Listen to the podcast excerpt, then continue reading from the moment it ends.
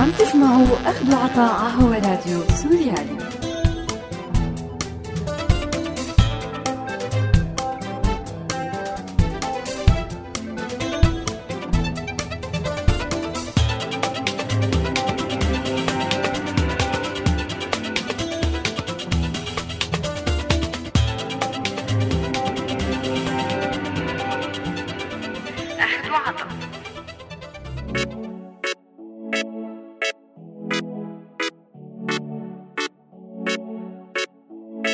أعزائي المستمعين أهلا وسهلا فيكم. برحب فيكم أنا مايا بحلقة جديدة من برنامج أخذ وعطاء وبذكركم أنه هذا البرنامج بالتعاون مع مبادرة كلنا مواطنون.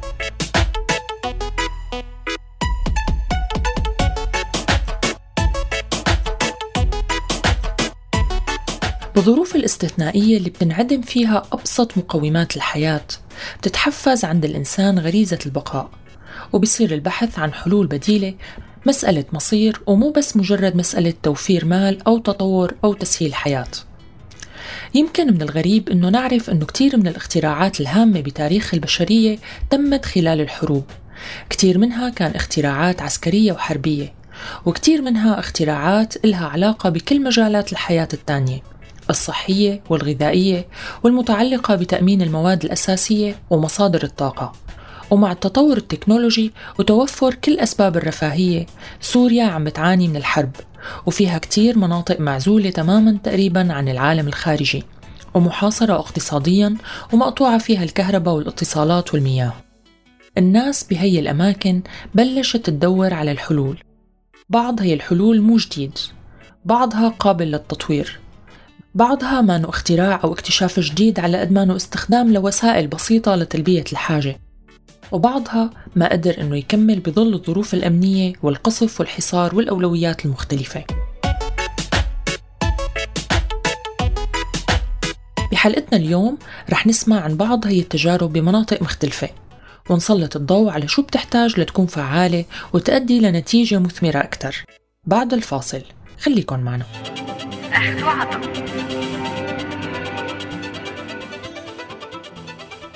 أهلا وسهلا فيكم من جديد. بداية خلونا نبلش مع هذا الاستطلاع.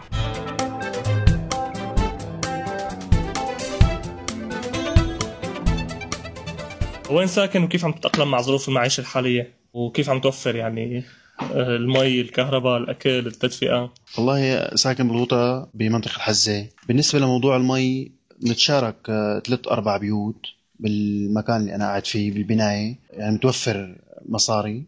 نتشارك بنعبي الخزانات. وقت ما يكون موجود يعني شي طرف من الأطراف يعني ما حاسين ما معه مصاري هي بناخذ البراميل بنعبي من الكباس. وقت بيكون مثلا آه، طرفين يعني محاسين يجيب الصهريج بنجيب الصهريج بس بتعرف أنت الوضع هون يعني 400 ليرة حق البرميل يعني ما كل الأوقات حاسين يدفع حقه وبالنسبة للكهرباء كمان آه، الكهرباء ما في. بتعرف أنت هون الغوطه مقطوعة من فترة كبيرة يعني. من آه، على اللدات على البسكليتات هاي اللي بتشحن بنشحن البطاريات وعلى اللدات عايشين. وبس الصح يعني آه، في يعني توفرت مصاري توفر هي. بنشغل بالأسبوع بالأسبوعين بنشغل آه، مولدات نشحن البطاريات وهالقصص هي وبالنسبة للتدفئة بتعرف أنت هون بالغوطة موجود حطب بس الحطب غالي. يعني كيلو الحطب حقه 70 75 ليرة 100 ليرة. مو كل الأوقات متوفر نجيبه يعني. ومندبر حالنا شوية حطب من هون مع شوية بلاستيك. وموضوع الأكل الحمد لله يعني هلأ من فترة قريبة كان موضوع الأكل صعب كتير. موضوع الأكل الحمد لله هلأ من فترة صار يعني تواجد الأكل بس الأكل محدود. وبتعرف أنت هون بالغوطة أكثر شيء يعني إحنا بناكل يعني من من ثمرات الغوطة بالنسبة للخضار وما خضار أغلب أكلنا هذا الأكل. والله ساكن حاليا ببرزة آه، بالطرف الثاني اللي مع النظام. بس طبعا هاي يعني في صعوبة كثير كبيرة من ناحية الكهرباء ليحنوا علينا بيبعثوا لنا إياها. يعني في كثير مشاكل. المي آه، كل يومين والثالث لحتى تجي. طبعا نحن قاعدين بأبراج. إذا ما كان في كهرباء فما بطلع عنا المي. وسيارات لحتى تعبي لنا صهريج ما بالنسبة لموضوع الأكل والشرب والله معدمين. لأن يعني الطريق صار له مسكر فترة طويلة. والحواجز عم يتحاقروا كثير لحتى يدخلوا الاغراض سواء الغذائية أو ال- الألبسة. ساكن بزملكا بالغوطة الشرقية. والمي والكهرباء كهرباء ما عنا الحمد لله. ولا عندي بديل للكهرباء يعني من فضل الله. لدت بطارية بشحنها وبرجعها. ومي بالأسبوع بعبي مرتين عندي خمس براميل. أنا عندي خمس أولاد. كل أسبوع بعبي مرتين. مي من الصهريج طبعا. كباس ما حاسن عبي. أه، أولادي صغار وأنا ما بحسن طالع على الطابة الأول مي بجيب الصهريج بيعبي لي بياخذ 2000 ليرة. وكهرباء ما عنا واللهم صل على سيدنا محمد. تدفئة على الحطب. كون موجود لحطب ما موجود لحطب بنحط بلاستيك بنحط أي شيء. يعني حتى م- امبارح كنا مشغلين الحمام آه، على شوية زبالة. يعني يعني شحطية كذا شغلنا الحمام حمينا الحمام. وتحممنا. حتى نوفر شوية حطب للصوبيا. وأكل كيف عم توفروه؟ الأكل صار الحمد لله رب العالمين من شهر من شهر ونص. الأكل متوفر كتير من كل الأشكال بالغوطة و- ورخيص بس مصاري ما في كمان. يعني صار الأكل رخيص ومصاري ما في مع الناس. يعني مو بس أنا حتى في كتير من جيراني ومن رفقاتي بيشكي من قلة المصاري إنه صار تواجد الأكل ومصاري ما في مع الناس. يعني لما كان غالي الأكل كان ينوجد تشتري كيلو رز مثلا ب 1500 ب 2000 ليرة كنت تشتريه هلأ كيلو الرز ب 300 ليرة وما حاسن تشتريه وربطة خبز ب 300 ليرة وأحيانا ما بتحسن تجيبها. أنا ساكن بالغوطة الشرقية بمدينة زملكا أه بالنسبة لموضوع المي وقت اللي يكون أمورنا متيسرة يعني في مصاري في هيك عم نجيب يجيب الصهريج بيعبي لنا الخزان. وقت اللي يكون ما في سيولة بنضطر ناخذ البيدونات ننزع الكباس نعبيهم نرجع نحطهم بالخزان مشان نستخدمهم. وبالنسبة لموضوع الكهرباء الكهرباء ما في بالمرة يعني. أه أحيانا كل جمعة عشرة أيام بصح لنا بنجيب وقود نشغل المولدة وبنمشي أمورنا. وبالنسبة لموضوع التدفئة التدفئة يعني أغلبيتها هون أو كلها صوبيات حطب ندفع على الحطب والأكل الأكل الحمد لله لا توفر أحسن من أول يعني بس آه، كمان على هوا نوع الموجود يعني. حاولت شي مرة تخترع أو تبتكر طريقة لتوفير بدائل للطاقة؟ هلا آه، نحن حاولنا كثير وحتى يعني الشباب هون وصلوا لطريقة إنه بيولدوا عن طريق بيولدوا الكهرباء يعني مولد 12 فولت مشان شحن البطاريات مشان الليدات مشان هيك عن طريق مروحة هوائية يعني. آه، انضربت المروحة جت قذيفة قريب عليها وانتزع الدينامو يعني اللي بيولد آه، الكهرباء. وصرنا يعني نشحن بمراكز شحن. أو على بسكليت يعني بسكليت حولوها على 12 صاروا يشحنوا عليها. والله بالنسبة لهالأمور هي كلها ما ما يعني ما حاولنا بالامور بس حاولنا نخترع شغلة إنه الصوبيا هي نفسها نطبخ عليها ومندفي البيت ومنه بنسخن المي يعني هي الطريقة الوحيدة اللي اخترعناها والله كهرباء ساويت مرة مروحة تبع دينامو تبع بسكليتي هي تبع الرياضة. صارت العالم يقولوا إنه شغال. فكيناه من بسكليت كهرباء وركبنا له مروحة وحطيناه على الاسطوح بس الطيارة قصفت جنب منا طيارة البناية اللي جنبنا طارت معها كل شيء على بنايتنا. الحمد لله ما صفي عنا ولا رجعنا ساوينا منها لأنه ما عاد لقينا دينامويات وبيحمل البطارية بنزلها لعند جارنا عنده مولدة بيشغل ساعتين للعالم بشحن عليها. بدفع عليها 200 ليرة وبرجعها. كل يومين ثلاثة أمورنا بخير الحمد لله رب العالمين. إيجاد للبدائل في واحد كان بالآبون حاول يعمل آه، مروحة لحتى تساوي كهرباء بس ما ما نجحت معه. الناس صارت تلجا للطاقة البديلة. صارت تولد غاز الميثان من النفايات العضوية. هو نفسه آه، الغاز الموجود بجرات الغاز العادية. هذا الغاز طبعا بيشغل آه، مثلا المولدات اللي هي ممكن تتخرج منها طاقة أو كهرباء وممكن يساعدك على التدفئة أو بيساعدك على الطهي. في ناس لجأت لطاقة الرياح أو العنفات المائية. آه، مثلا بحكي لك على تجربتنا. نحن قدرنا نحصل عدة ألواح شمسية. هي ألواح بتشتغل على الطاقة الضوئية والشمسية لتولد الكهرباء. آه، وبنحفظ الكهرباء ببطاريات بطاريات السيارات آه، مشان بعدين نرفع الجهد ونشغل فيها ال- الإنارة الموجودة أو ألعاب الأطفال أو موسيقى أو أي شيء. من الأمثلة المهمة على استخدام غاز الميثان كان في شخص عنده معمل أقمشة. طبعا توقف لهذا المعمل لأنه آه، انقطعت الكهرباء. طبعا بهي الطاقة ال- المستخرجة قدر يشغل معمل لا يصنع الشاشة اللي هو نحن كثير بحاجة له خاصة مع الحاجات الطبية الزايدة. آه، حتى منتجات الأبقار الموجودة صار يوزعوها للمدارس بشكل مجاني.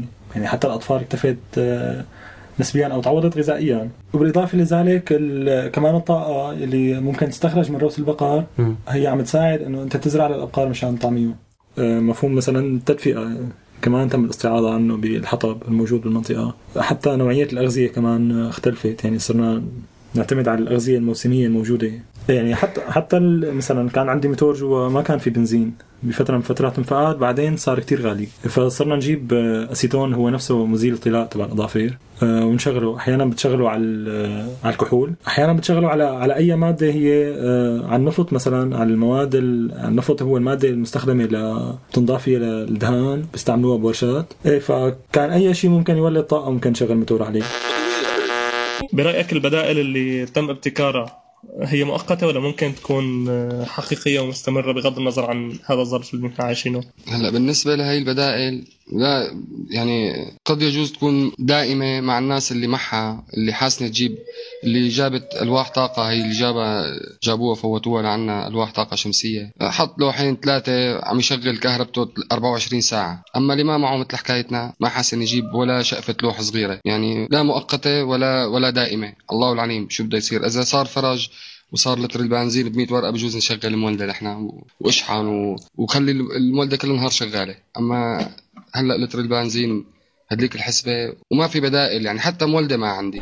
بالنسبة للبدائل هي آه، حلول. حلول مبدئية. إذا تم تطويرها آه، فبتكون هي بديل آه، دائم. يعني الواحد إذا استغل الرياح والمياه والأمور هي اللي عم يساووا عليها الطاقة الشمسية تمام؟ هي يعني هي هي منه آه، فائدة للبيئة وهي إذا آه، تم تطويرها بتعطي فائدة ونجاح للعمل. يعني مثلا الكهرباء عم تشحن بشكل ما البطارية خلال ست سبع ساعات. عم تعطي آه، كهرباء إنارة بسيطة وهي. أما بس ما عم يتم تشغيل فيها مثلا غسالات برادات هالقصص. أما إذا صار العمل على مستوى أكبر وتم تكبير المشروع فبتكون هي بديل آخر آه، ونظيف سليم للبيئة. هي هلأ هي ممكن إنه تكون مثلا دائمة وممكن إنه يستفاد منها يعني كل المناطق اللي موجودة هون. بس بالنسبة لهالشغلة هي هاي القصة هي ما بتنحط غير على الأساطيح الابنيه والأساطيح الابنيه معرضة للقصف. فأي أي يعني هي هي الطاقه هي الطاقه هي مجرد إنه ما إجاها شظيه إجاها أي قصف إجاها هواء إجاها شيء أمر يعني دغري بتنضرب ونفس الشيء يعني هي دائمة. بس معرضة للخطر معرضة للقصف معرضة لكل الأمور هي. فما بنستفاد منها نحن كونها إنه هي تتركب على اسطوح الأبنية.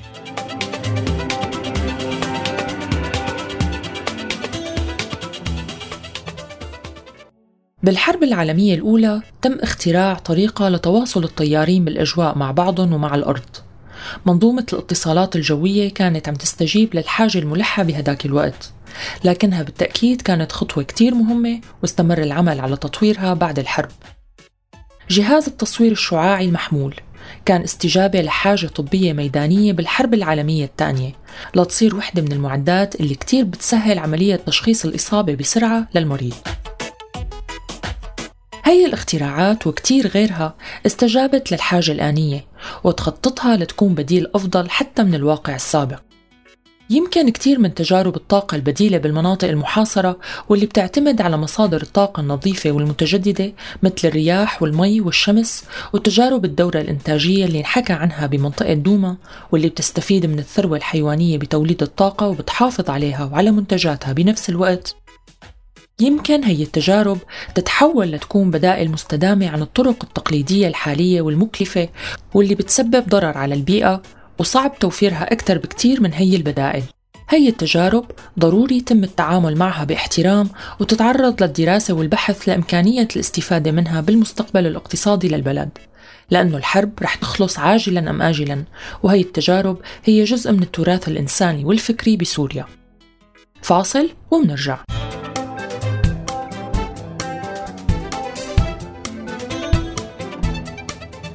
تعرف مؤسسات أو جهات داعمة متكفلة هيك أنواع من المشاريع؟ يعني مشاريع الطاقة البديلة ويا ترى هاي الجهات أو هذا الدعم آه، عم يتوجه بالفعل لهيك مؤسسات ولا عم يتركز على احتياجات تانية وعم يهمل هذا الجانب. والله ما عندي علم إنه إذا كان في هيك أمور بالغوطة هي أو بشي مناطق تانية بس هلأ غالبية هالامور هن مركزين غالبية هالامر هذا وغالبية الدعم وغالبية الأمور للمواد الغذائية ولأمور تانية بتخص تدفئة وأمور غذائية وما ما لهم داعمين هالجانب هذا ولا عرفت إنه مدعوم هذا الجانب من أي جهه هيك جهات ما بعرف ولا سمعت فيها عنا بالغوطة. بس إذا كان في هيك جهات أنا بفضل إنه يدعموا التدفئة يدعموا المي يدعموا الغذائيات يدعموا الأطفال الأطفال اللي بحاجة لحليب. ما في عنا حليب بالغوطة. في كتير أطفال ما بدها حليب وما إما ما بترضعها أو مستشهدة أمه أو ما عنده حليب ولا عم يلاقوا حليب. يعني كثير كثير هي هي الشغله شغلة الحليب وشغلة الغذائيات أفضل ما يدعموا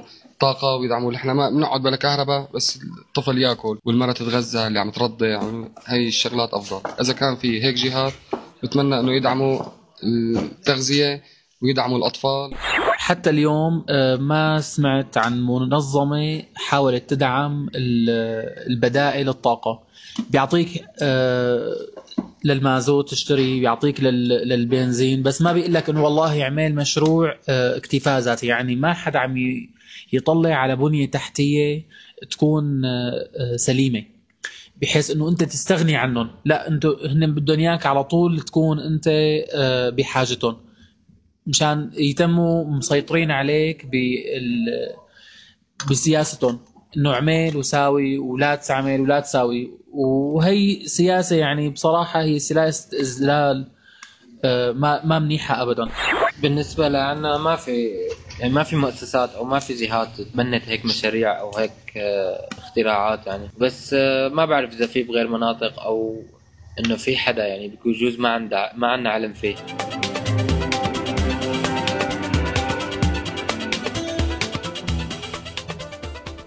بالوقت اللي عم يتم فيه ضخ مبالغ هائلة للتسليح واستمرار الحرب وتوجيه الدعم الإغاثي لتأمين المستلزمات الأساسية من غذاء ودواء ومواد تدفئة وغيرها. بيبرز السؤال. قديش تمويل ودعم البحث العلمي هلأ أولوية وإله مكان ضمن الاحتياجات الهائلة للمجتمع السوري؟ قديش من المنطقي بنظر البعض أنه يتم صرف منح وتمويل كبير لتجارب علمية ممكن تاخد وقت كتير طويل وما تؤدي لنتيجة بظرف الناس فيه عم تفتقد لأبسط أساسيات الحياة. هي الفكرة مرتبطة بشكل كبير بنظرة مجتمعات المنطقة وسياسة الدول فيها للبحث العلمي اللي كانت وما زالت ميزانيته كتير متواضعة بمقابل ميزانية الجيش والتسلح على سبيل المثال. دول كتيرة بعد ما تعرضت لحروب وكوارث وهزائم ركزت على البحث العلمي بدل ما تركز على الاحتياجات الآنية وهي السياسة طويلة الأمد خلتها تتجاوز الأزمة اللي مرت فيها. اليابان وألمانيا هي أمثلة واضحة على هي السياسة السؤال هو هل ممكن يلاقوا المخترعين اللي عم بيحاولوا هلأ يوجدوا حلول للنقص الكبير بمقومات الحياة؟ هل ممكن يلاقوا دعم مؤسساتي مجدي ومستدام ليقدروا يطوروا اختراعاتهم؟ مين ممكن يساعدهم ويدلهم على الطريق لحتى يقدروا يكملوا بالشي اللي بلشوا فيه؟ هل ممكن انه نلاقي مؤسسة ممكن تآمن بهذا الشي وتدعمه؟ بدلا من الإبقاء على السوريين بحالة حاجة مستمرة للدعم العيني والمادي لتأمين المواد الاستهلاكية بدون ما يجربوا يطوروا بنية تحقق نوع من الاستقلال والاكتفاء. يمكن صار لازم نلاقي أجوبة على هي الأسئلة ونعيد ترتيب كتير من الأولويات الشيء اللي ممكن يحدث تغيير كبير بحياتنا أو على الأقل بحياة الأجيال الجاية من بعدنا بنهاية حلقتنا أصدقائي أنا بودعكم على أمل أني التقي فيكم بحلقة جديدة من أخذ وعطاء لا تنسوا تتابعونا على موقعنا سوريالي dot com وأرشيفنا بتلاقوا دائما على ال SoundCloud ولا تنسوا تولفوا علينا FM. من هون للأسبوع القادم كونوا بألف ألف خير. إلى اللقاء.